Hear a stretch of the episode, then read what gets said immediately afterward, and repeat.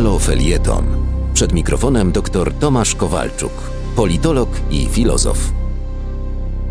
2 czerwca włoski dziennik Corriere della Sera opublikował wywiad z Olgą Tokarczuk, pisarką, której Nagrodę Nobla rok po terminie dał skompromitowany Komitet Noblowski. Pisarka, którą łatwo rozpoznać po dziwacznej fryzurze, opowiada we włoskiej gazecie, że Polska jest podobna do Białorusi. Bo i tu, i tam panuje straszliwy system, porządek, czyli reżim. Reżim to prawie jak hunta, zamordyzm i wszystko co najgorsze. Reżim to słowo klucz, brzmi tak złowieszczo, że już nad niczym nie trzeba się więcej zastanawiać. Słusznie zatem i chwalebnie pisarz, dziennikarz, nauczyciel, tłumacz z Romskiego Jacek Milewski wziął w obronę nasz kraj ojczysty, naród cały wspaniały i rzucił w oczy Komitetowi Noblowskiemu, że promuje dziwacznie uczesane, a może wręcz rozczochrane miernoty. Zawstydziłem się przy tym okrutnie, bo o zgrozo nie miałem do tej pory świadomości istnienia tak wielkiej postaci jak Jacek Milewski.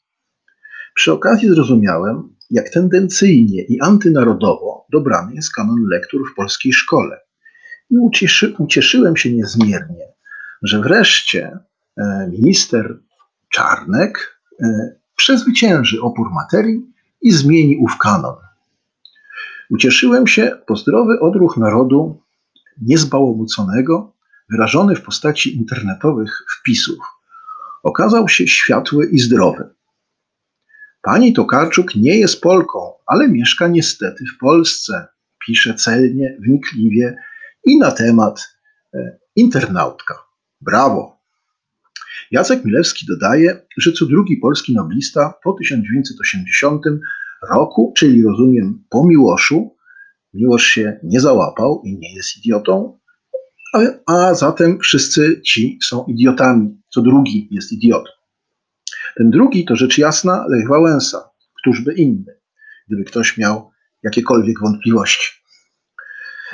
W samej rzeczy Sulechów, gdzie urodziła się Tokarczuk i Wrocław, gdzie mieszka, to przecież tereny, no powiedzmy sobie szczerze, nie do końca wyczyszczone z sentymentów niemieckich.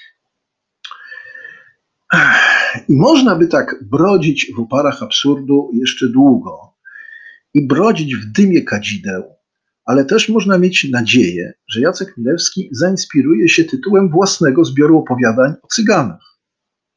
Ten tytuł brzmi Dym się rozwiewa. Z, ty z tytułu wynika niestety, że dym dopiero się rozwiewa, ale może w końcu rozwieje się ostatecznie. Miejmy nadzieję. Na www.haloradio ukośnik SOS Wspieraj niezależne Halo Radio, które mówi wszystko. www.halo.radio ukośnik SOS. Dziękujemy.